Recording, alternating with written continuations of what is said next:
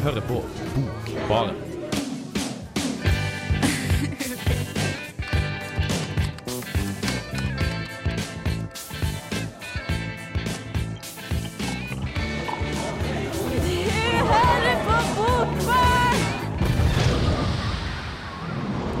Hei, hei, hallo. Du hører på Bokbarn. Jeg heter Line Bjerkan, og i dag så har jeg med meg alle våre snille, gode venner. Yeah. Yes. Vida, eh, du som eh, var så engasjert her nå, kanskje du skal begynne å snakke om hva, litt hva du har med? Yeah, jeg var engasjert.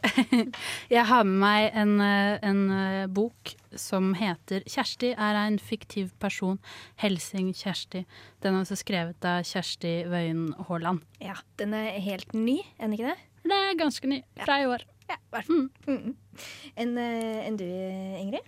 Eh, Jeg har med en eh, litt eldre, eh, eldre roman som heter som eh, George Berek, matematikeren, blant annet har skrevet det, som heter 'Kunsten og måten å nærme seg avdelingssjefen på for å be om lønnspålegg'.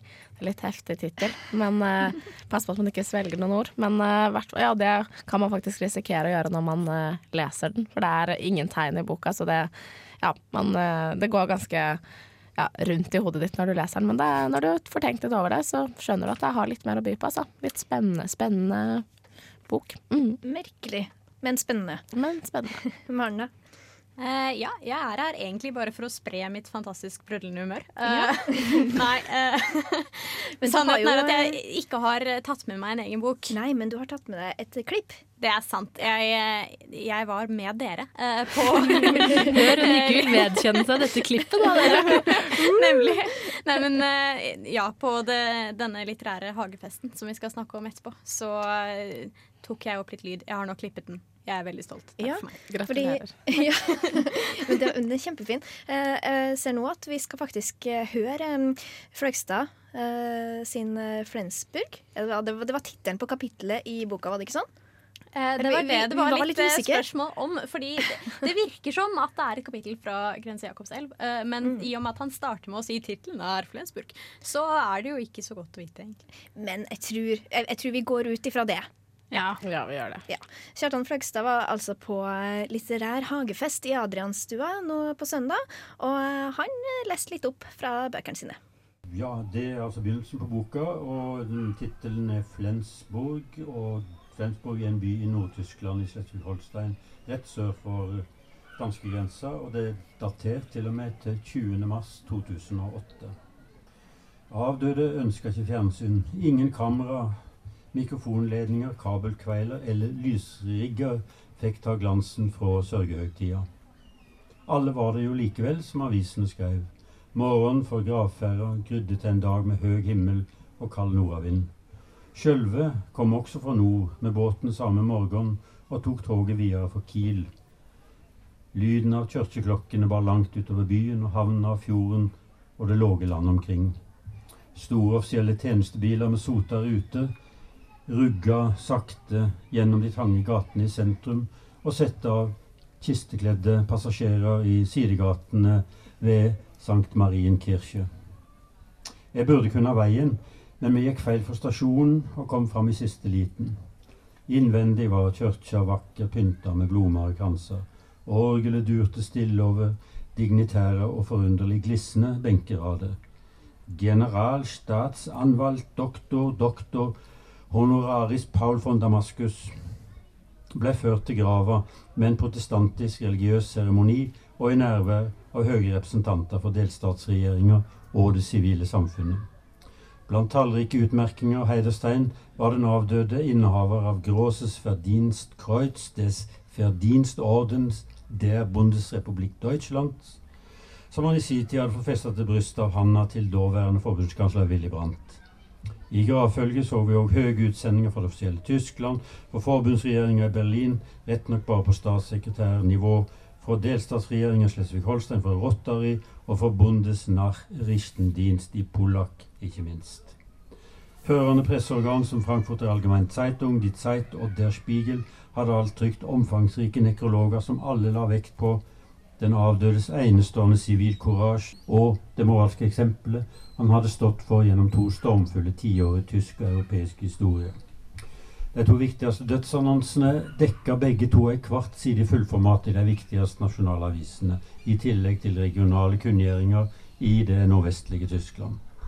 Her gikk det tydelig fram at både offentlige og private instanser hadde kunnet nyte godt av klokskapen og den sjeldne arbeidskrafta til den avlidne. Store annonser takka via den avdøde, som gjennom et langt liv hadde ytt uvurderlige tjenester til regionale bilorganisasjoner, helseinstitusjoner og huseierforbund. Blant mange andre tillitsverv hadde han helt opp i sin høye alder fungert som juridisk rådgiver for storkonsern som AEG Telefunken, medisinalfirmaet Trauma.Taunus, Taunus, Aktiengesellschaft øh, ja, og forretningsdrifta til vekemagasinet Der Spiegel. Kjartan Flagstad der, altså. Vi kan vel kanskje være enige om at uh, han var det største navnet på årets uh, hagefest. Selv om det var veldig mange andre som leste opp også. Både diktbøker og romaner, og, og, og så var det noe sånn barneting som jeg ikke helt fikk med meg. Men uh, Så rart. For vi, ja, vi satt jo og, på plenen og snakka mye av tida også, som er en del av hagefesten. Man skal jo ikke bare du får jo liksom proppa hodet full av litteratur hele tida, så det er viktig å ta en pause. da.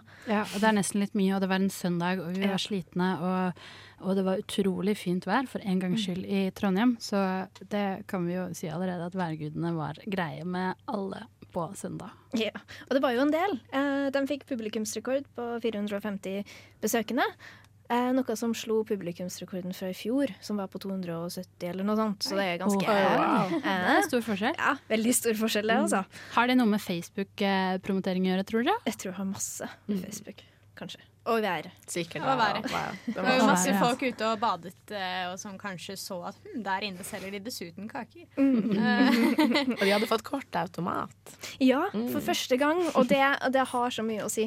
Da ble jeg kjempeglad, selv om jeg hadde eh, vært eh, tatt ut penger på forhånd denne gangen. Da. Jeg liker veldig godt at vi nevner det som positivt, siden vi alle så at den kortautomaten beviselig ikke fungerte i det hele Nei, tatt. men den funka da jeg skulle prøve. Jeg hadde ikke tatt ut kontanter. Er det sant? Ja. Oh, ja, Okay, Så hun okay. sa du fiksa den, og det var bare tilfeldig. ja, dessuten så var den der, og det på vitner om så mye vel, um, velvilje. Ja, jeg syns det er veldig sånn hyggelig at de har tenkt på at Veldig symbolsk, altså. i, i dag bruker ikke alle lenger disse papirlappene. Moderne.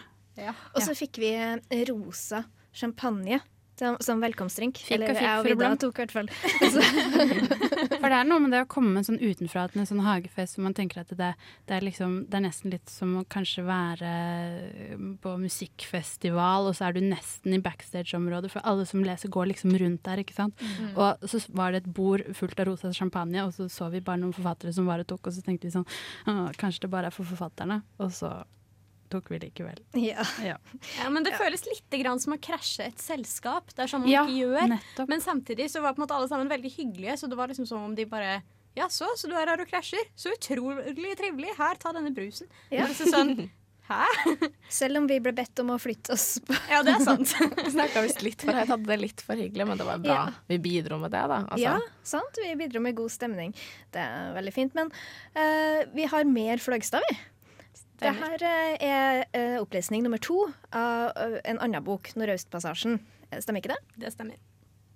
På kaien i Veracruz er stemninga nesten like kaotisk som på havna i Almeria, men med andre farger, andre lyder, med et stort lys over seg.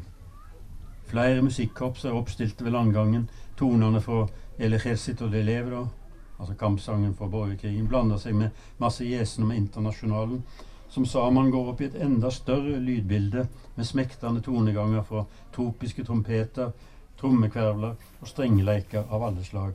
Mariachi, mariachi jarocho, danzón, dal, salsa og bolero er musikalske stilarter Agos sier han lærer å skille folk hverandre og danser trinna til, men som her i første omgang bare fletter seg sammen i en fyrig og overveldende lydkulisse.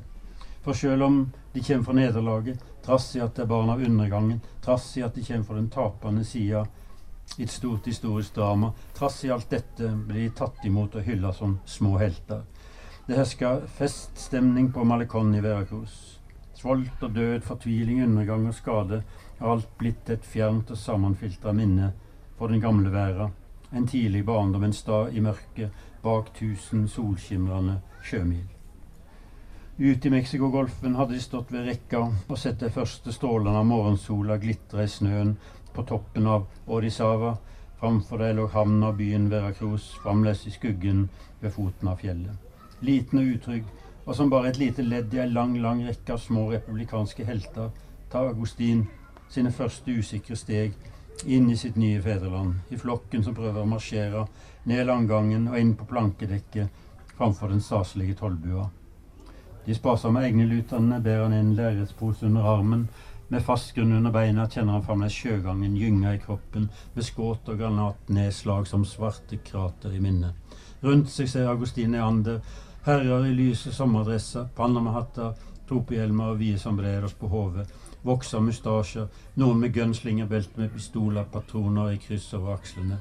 Sammen med de står svartkledde kvinner med bleike, hardt sminka andlet under vide solhatter og stivpynta småjenter i hvite strutteskjørt.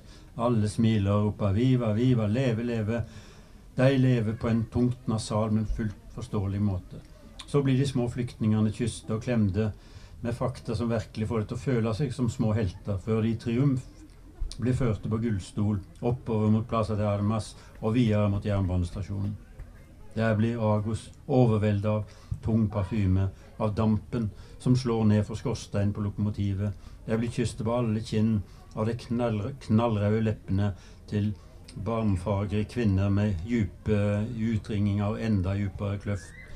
Løft opp i lys og bånd på gullstol, på akslene til de sterke mennene som svinger med panamahatten, før de havner på fanget til nystrøkne herrer bak rattet i åpne sedanbiler som vinker ut til folkehopen idet flyktningene får halla i styret og klemter med hornet på skift.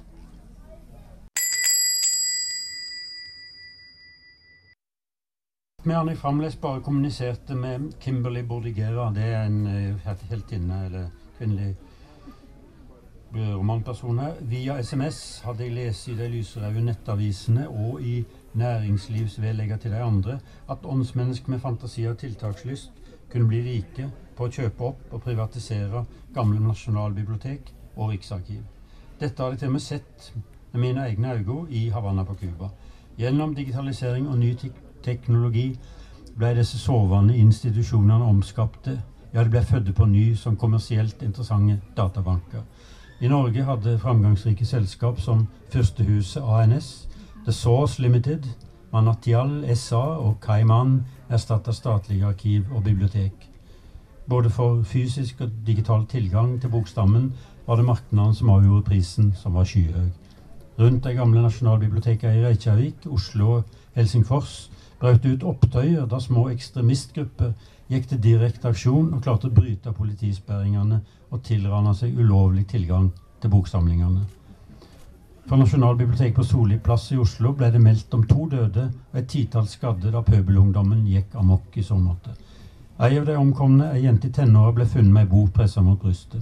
Politiet viste til rikets trygghet og kunne ikke gå ut med tittelen på boka. Med god grunn mante presse og kringkasting til ro ettertanke og advarer på det sterkeste mot sjøltekt i omgang med verdifulle åndsverk. Hei, hei. Eh, Dette er Vigdis Hjort. Jeg liker navnet på denne radiokanalen, Radio Revolt. Hør på magasinet Bokbarn.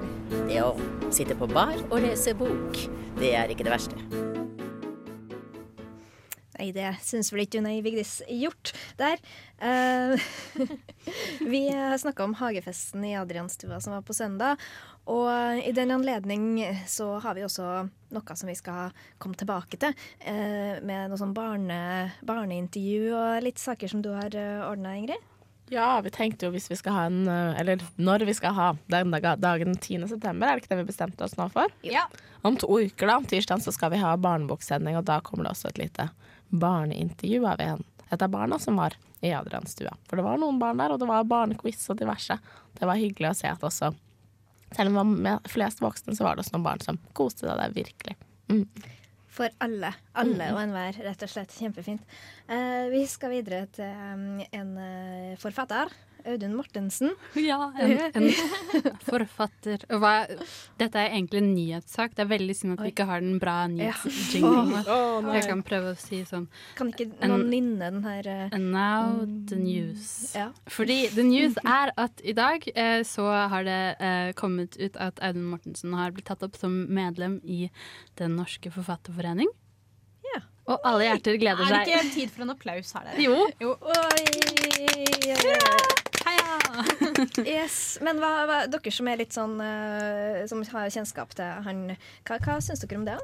Vi, vi syns det er uh, veldig bra. Uh, fordi uh, Audun Mortensen har jo faktisk produsert masse greier, har vi en følelse av. Og hvis du går inn på audunmortensen.no, så kan du bare få se masse, masse, masse, masse, masse som han har lagt ut, som, er- som er veldig morsomt. Eh, Blant annet en karaokeversjon av Ron Keatings uh, 'You Say It Best When You Say Nothing At All', med, som egentlig bare er opplesning. Så da kan du lese opp teksten til den, og så kan du uten å synge, da. Og det er veldig bra.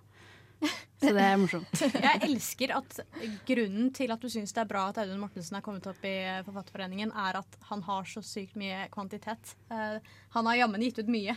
Hvis du bare gir ut nok, da burde du jammen være i Forfatterforeningen. Ja, Ja. jeg syns kanskje det. Men Poenget er også at han har jo produsert noen bøker da, innimellom. Blant annet eh, eh, den eh, fine Eller eh, Alia? Nei. Alaya. Alaya. Alaya. Yes. yes. Alaya, eh, også kjent som navnet til popstjernen Alaya, som døde i et eh, flykrasj altfor, altfor ung. Eh, og det er jo en eh, veldig fin diktsamling som eh, vi anmeldte for et par år siden. Eh, som det ble krig om i studio der vi gjorde det, fordi en av de gamle som var med i Bokbarn, virkelig virkelig hatet Aud Mortensen. Og det er vel noe av poenget med han også, at han vekker sterke følelser, tror jeg. Ja, ja, men jeg skjønner ikke at det er mulig å ikke like Audun Mortensen, for han er jo altså Åh, det er så fint. Og det er bare så lite pretensiøst. Jeg tror kanskje Eller altså Jeg vet ikke. Et av argumentene jeg har hørt oftest om hvorfor folk hater ham, er at det er så pretensiøst, så det er mulig at jeg tar feil. Men jeg syns i hvert fall at det er veldig sånn direkte og veldig sånn lite Å, fuglene i sivet, ble. jeg. Ja, for du, du, er jo ikke noen du liker jo faktisk ikke lyrikk i det hele tatt, men du må, altså, Nei, du gjør jo ikke det, Ja, men jeg kan si at helt ærlig jo, men altså, La meg snakke. Eh, Hør, da. Altså, da jeg leste uh, 'Alle forteller meg hvor bra jeg er i tilfelle jeg blir det', som jeg tror er den første uh, diktsamlingen hans, så, så syns jeg det var så bra at jeg fikk nesten litt sånn vondt i magen, for jeg syns det var så morsomt. Og så syns jeg også at det var dikt som bare, liksom, som bare ga og ga og ga. Jeg syns det var kjempegøy med alle de eh, liksom, popkulturelle referansene som man har hele tiden. Den sånn tulle med Fredrik Skavlan. Ok, det var kanskje ikke det beste eksempelet, men altså sånn derre ja, at det er lov å kjenne seg igjen eller ikke, og det trenger ikke å være symboltungt og kjedelig for at, eh, for at det skal være noe som gir deg noe, da. Nei, jeg syns det er veldig fint, og jeg syns det er veldig sånn eh, Det gjør faktisk at jeg har lyst til å lese mer lyrikk, og det er det veldig lite annen lyrikk som får, gir meg lyst til. Eh, så jeg syns jo at den klarer noe.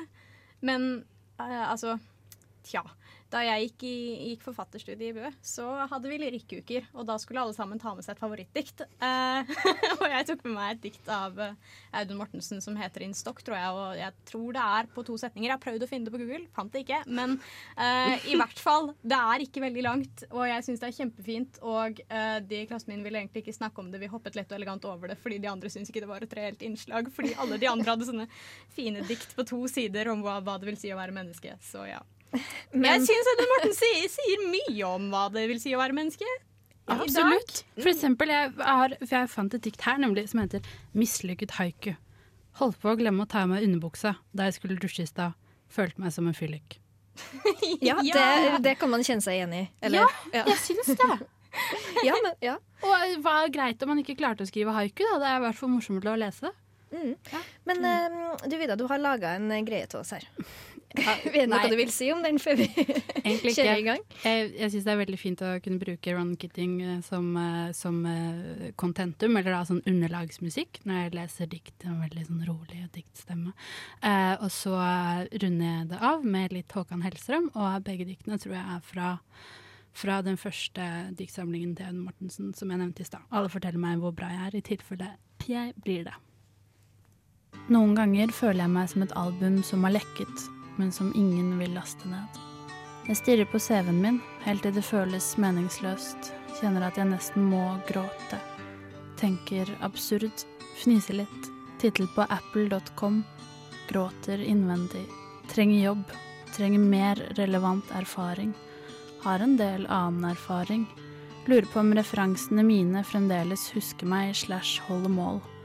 Lurer på om referansene mine fremdeles lever slash husker meg slash holder mål. August 04 til juli 05. Heltidsstilling som barnehageassistent. Parentes pedagogikk, samarbeid, ansvar, parentes slutt. Juni 07 til august 07. Frivillighetsarbeid i Ecuador. Parentes spansk, samarbeid, ansvar, parentes slutt. Tengo hambre, necesito trabajo, necesito accessorios de Apple. Gigglesnort Poco. Vurderer å tilføye flere fiksjonaliserte referanser. Kommer ikke på noen relevante navn. Forsøker å huske navnet på historielæreren min på videregående. Sort hull. Charles Burns. Vurderer å kidnappe noen. Ombestemme meg. Vurderer å starte et band. Har lyst til å henge backstage. Kan man fremdeles ha en rider? I så fall ønsker jeg at roadien min skriver rideren for meg. I en humoristisk tone og med mange ordspill. Jeg vil også ha en del magasiner hvor jeg er avbildet på forsida. Foto, Scampix. Blir usikker slash nervøs slash flau. Drømmer jeg egentlig bare om at noen skal fortelle meg at jeg en hyggelig bartender og en snill familiefar. Trenger hjelp til å redigere CV-en min. Må gå på kurs. Må lære å selge meg selv bedre. Hva skal jeg ha til middag i dag? Hvis prins var kona mi. Hvorfor skal jeg bli sentimental over å høre på det siste Hellstrøm-albumet? Jeg bryr meg jo ikke. Hvorfor laster jeg ned det siste Håkan Hellstrøm-albumet? Kanskje for å få noe å spørre om. Tekster moren min og spør. Hvorfor skal jeg bli sentimental av det siste Håkan Hellstrøm-albumet? Jeg bryr meg jo ikke.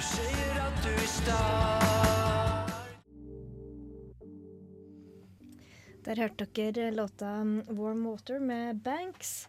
Og vi har snakka om hagefest, og vi har snakka om eh, Audun Mortensen. Eh, Vi skal videre til ei som er debutant. Hun heter Kjersti Wøien Haaland. Og du har lest boka, Vida? Ja, og hun er for så vidt en annen flammeforfatter, hvis det er lov til å, å si det. Eh, Den boken den kom ut i, år på Flamme, og det er en diktsamling eh, på en måte. Det er Ja. det, ja. ja. Jeg tror vi, vi diskuterte her i stad, og så sa vi ja, men det er jo sikkert en roman. Nei, uh, det var det Det er ikke det, men samtidig, altså diktsamlinger kan jo også ha en historie å fortelle. Eh, Dette er jo ikke frittstående enkeltdikt akkurat. Det er jo eh, en sammenheng, og den sammenhengen det er en slags eh, selvbiografisk kanskje utforsking av, av, seg, se- av seg selv. Ja, fordi Jeg klarer ikke å slutte å tenke på Audun Mortensen, jeg bare beklager det. Å, det vil jeg ha på en T-skjorte! Jeg kan ikke tro Jeg klarer ikke å slutte å tenke på Audun Mortensen. tro at jeg sa det. Jeg holder bokbarn sånn eh, kjempeforelska i Audun Mortensen. Nei. Har du sett bildet av han, eller? Um, nei, men tilbake til eh, Kjersti Wøien Haaland, da. Altså, eh, som jeg egentlig Jeg tror jeg snakket med en av dere om det i går, eller et eller annet sånt. Så mens jeg leste den her, så ble jeg liksom oppgitt. For det er jo en slags sånn beskrivelse av jente. Den og den aldersgruppen. Hun har kirsebær på kirsebærblomster på dynetrekket. Jeg følte nett sånn at Hvis jeg skulle skrevet en sak om det, så ville det hett sånn dyneløfting på pikerommet. Nei takk. Eh, men så Idet jeg på en måte har jobbet med den og lest den eh, mer enn én en gang, og sånn, så har det kommet ut noe mer enn det. Og det syns jeg er veldig fint. Fordi eh, det er en bok som handler om eh, å se på seg selv og lure på altså, alle sånne eksistensielle spørsmål. Hvem, hvem er jeg, og hvem er det som ser meg, og, og hvem blir jeg når jeg møter en annen, og hvordan ser du på meg? Um, samtidig som den ikke er sånn veldig insisterende på at, at eh, jeg skal være en eh, karikert versjon av en utadgående kunstnerjente som løper rundt og har masse sex og fyll. Les det du snakket for meg i går. Magnhild var det jeg Ja, sant. Og jeg føler at dette er en, dette er et slags bidrag inn i den debatten som går nå rundt hun Magnhild Fyll sex og offentlige etater, eller hva den heter. Ja, nei, for det er jo eh, NRK Ytring har nå hatt først et innlegg om at eh, eh, de syns at det blir for eh, Altså at det er trist at for å være en kul feminist, så er du nødt til å være guttete. At det ikke Ja. holder å være jente, det- liksom. Det var ei som hadde skrevet eh, og Ja. veldig teit om Nei, jeg syns det var et teit innlegg. Fordi det er jo sånn eh, Nei, for da blir du en gutt. Med en gang. sant? Ut, oppfører du deg noe som ikke blir sett på som jentete, så er det en av guttene. Det er Mm. veldig dum tankegang. Så det har fått et motsvar nå da fra de her forfatterne. Ja, og det syns jeg var et ganske godt motsvar Mm. også. De tok henne på, på alle punkter, nesten. Også. Men jeg syns likevel at denne her går inn i det som en sånn derre en mellomting. At du trenger ikke å være gå til ekstremene for å, for å få fram et slags budskap om hva det er å være altså, ung i dag. Hva det er å være jente, hva det er å være eller menneske, rett og slett. Da. Og det syns jeg var så fint å lese. Eh, ja, det er Mm. derfor jeg egentlig liker den. Ja. Men så er det jo eh, noe sånn eh, Det virker jo som den føyer seg inn i rekka den her sånn halvveis selvbiografiske bøkene, kanskje? Eller? Ja, men trenger det å være noe gærent i det, Nei da, si? nei da, og på en måte, det, er, det er egentlig ikke noe som blir tatt opp i veldig stor grad, for det er jo ikke på en måte plass i det i tre diktlinjer på hver Nei, side. nei. Uh, så det er ikke så mye informasjon om Kjersti Wøien Haaland, og hun, må, hun er, står jo fri til å, å kalle diktjeget sitt Kjersti, selv om hun heter Kjersti selv. Mm. Men jeg bare, eh, med en gang jeg leste den tittelen, så kom jeg til å tenke på hun andre Kjersti Skomsvold. For hun Ja. har gjort noe av det samme. Så det bare, det fløyt liksom litt i den Ja, det er morsomt, for Kjersti Skomsvold plasserer jo seg selv Altså Den første boken til Kjersti Skomsvold er jo veldig en sånn Da gjør hun det helt motsatte av Haaland, for at hun plasserer eh, handlingen eh, eh, At den skjer mellom to eller en, en gammel dame.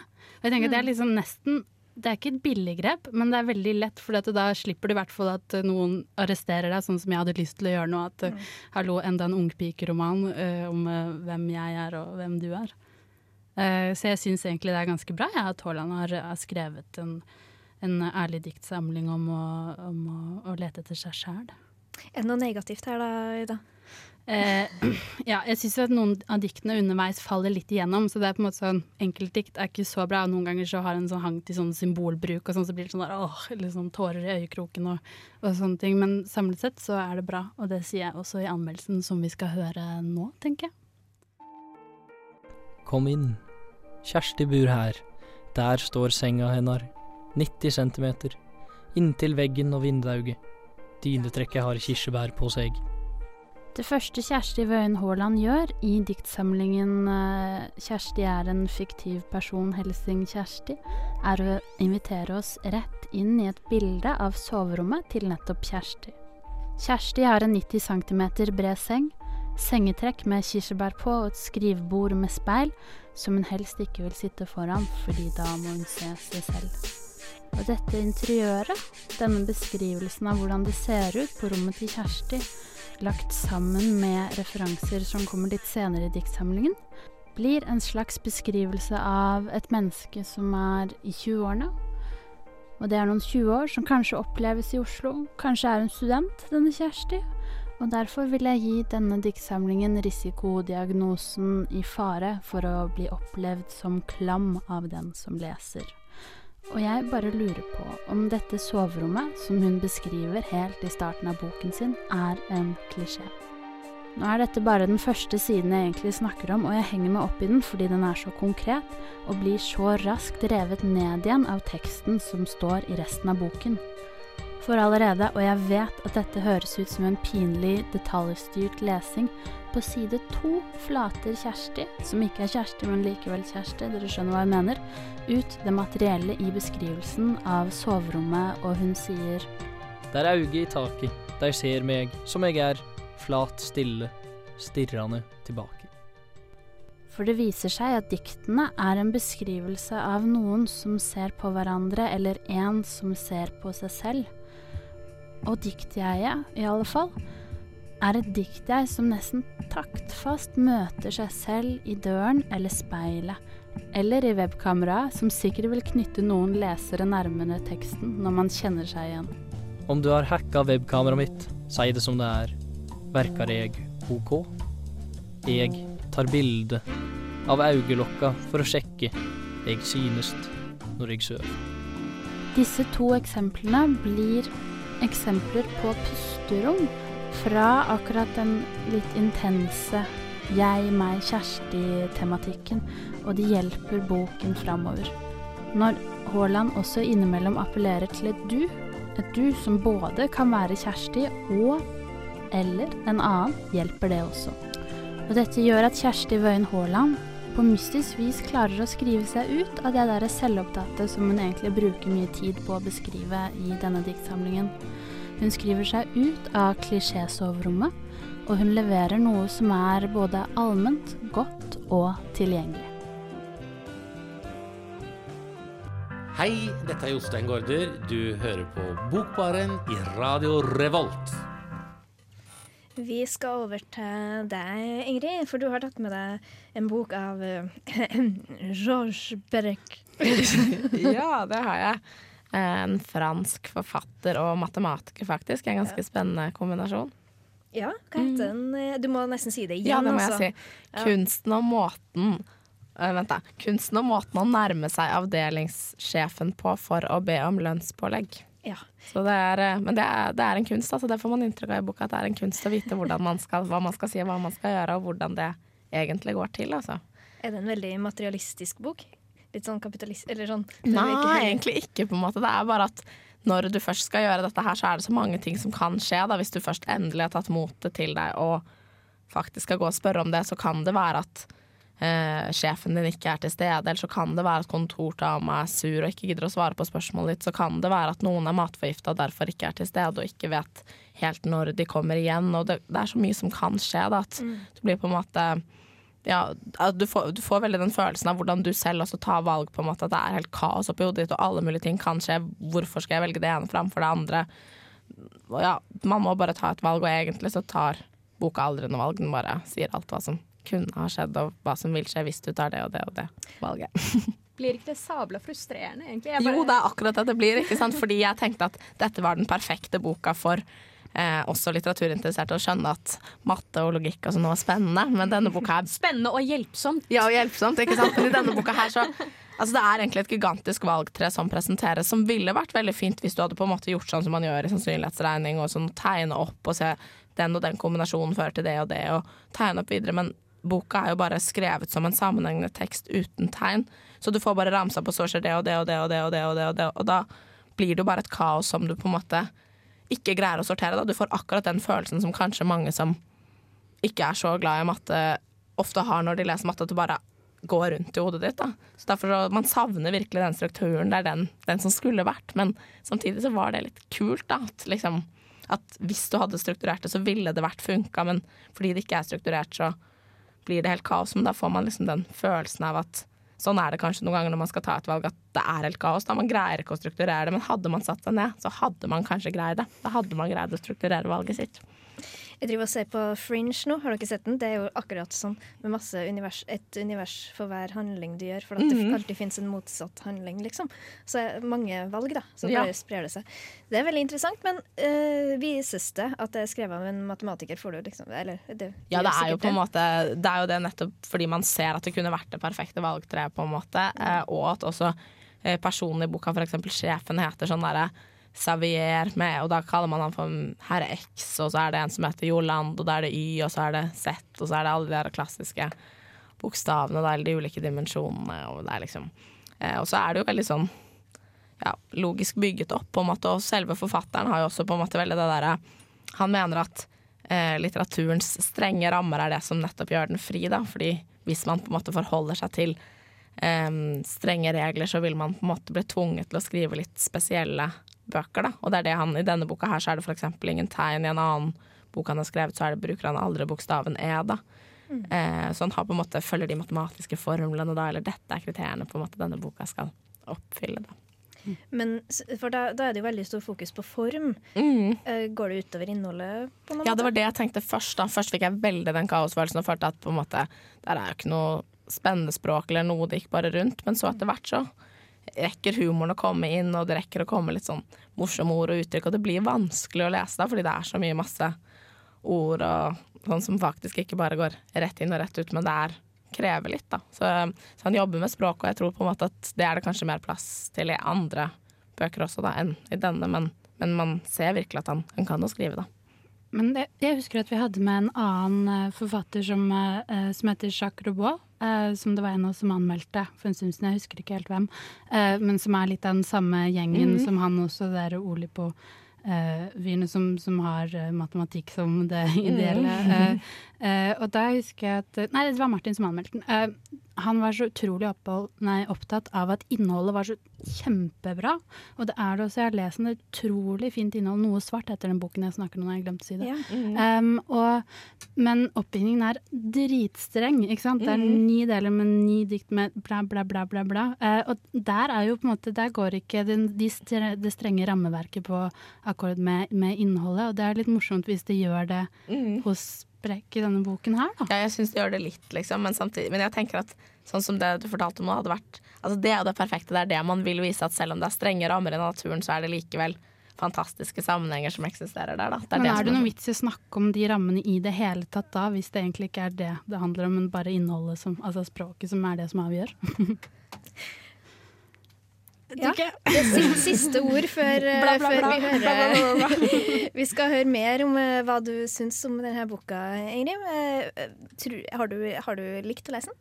Ja, absolutt. Og det var det at jeg, den ble bedre, bedre etter hvert. Men den, og språket tok seg opp. Språket tok seg opp. Men jeg syns det er en morsom, altså, morsomt alternativ til ja, Apropos sånne veldig poetiske diktsamlinger eller noe, så er dette noe helt annet, da. Mm.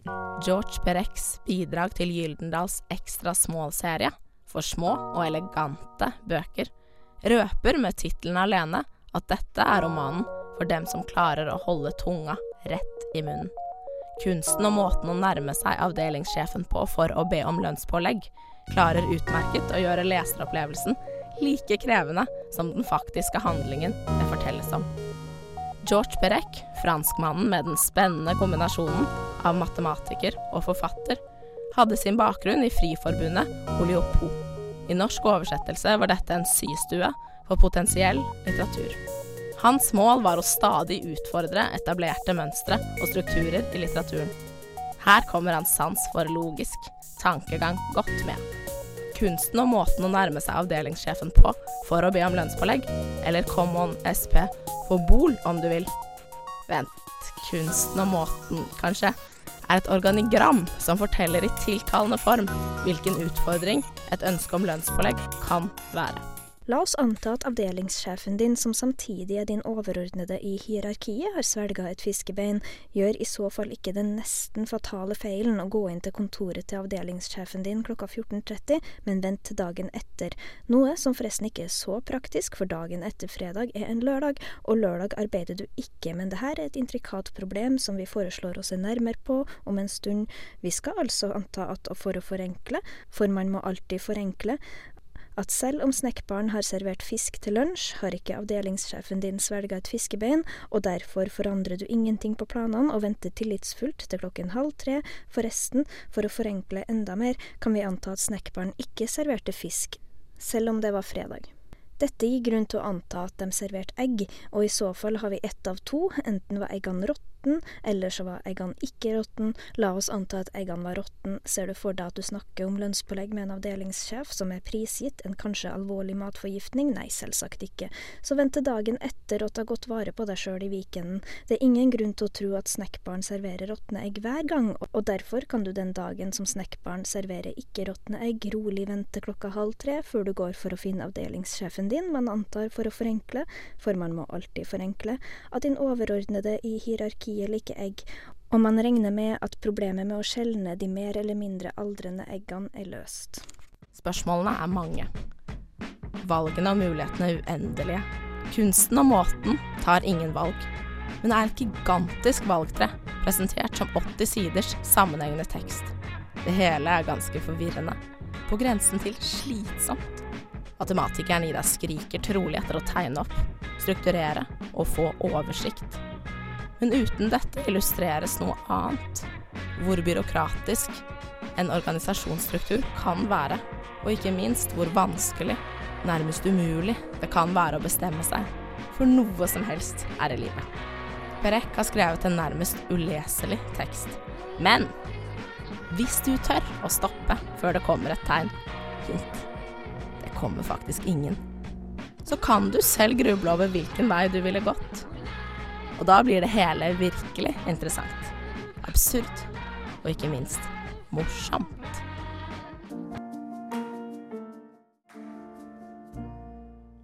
Der eh, hørte dere Tom Odell med 'Sirens'. Vi nærmer oss slutten her i Bokbarn for denne gang. Men eh, vi har jo vært gjennom en del òg, da. Vi har snakka om hagefesten i, på, som var på Adrianstua. Jeg tror vi er enige om at eh, den var veldig fin, eller? Ja. Ja, så bra. Uh, og så har jeg skrevet at vi har snakka om Morten Mort Mortensen. Det har vi jo ikke. Uh, vi har snakka om Audun Mortensen. Ja. Eh, jeg syns navnet Morten går igjen i dag. Det, det, Det ble liksom- en Morten Fløgstad òg, Ja. så Det var nettopp det det ble. Men uh, Audun, da, altså.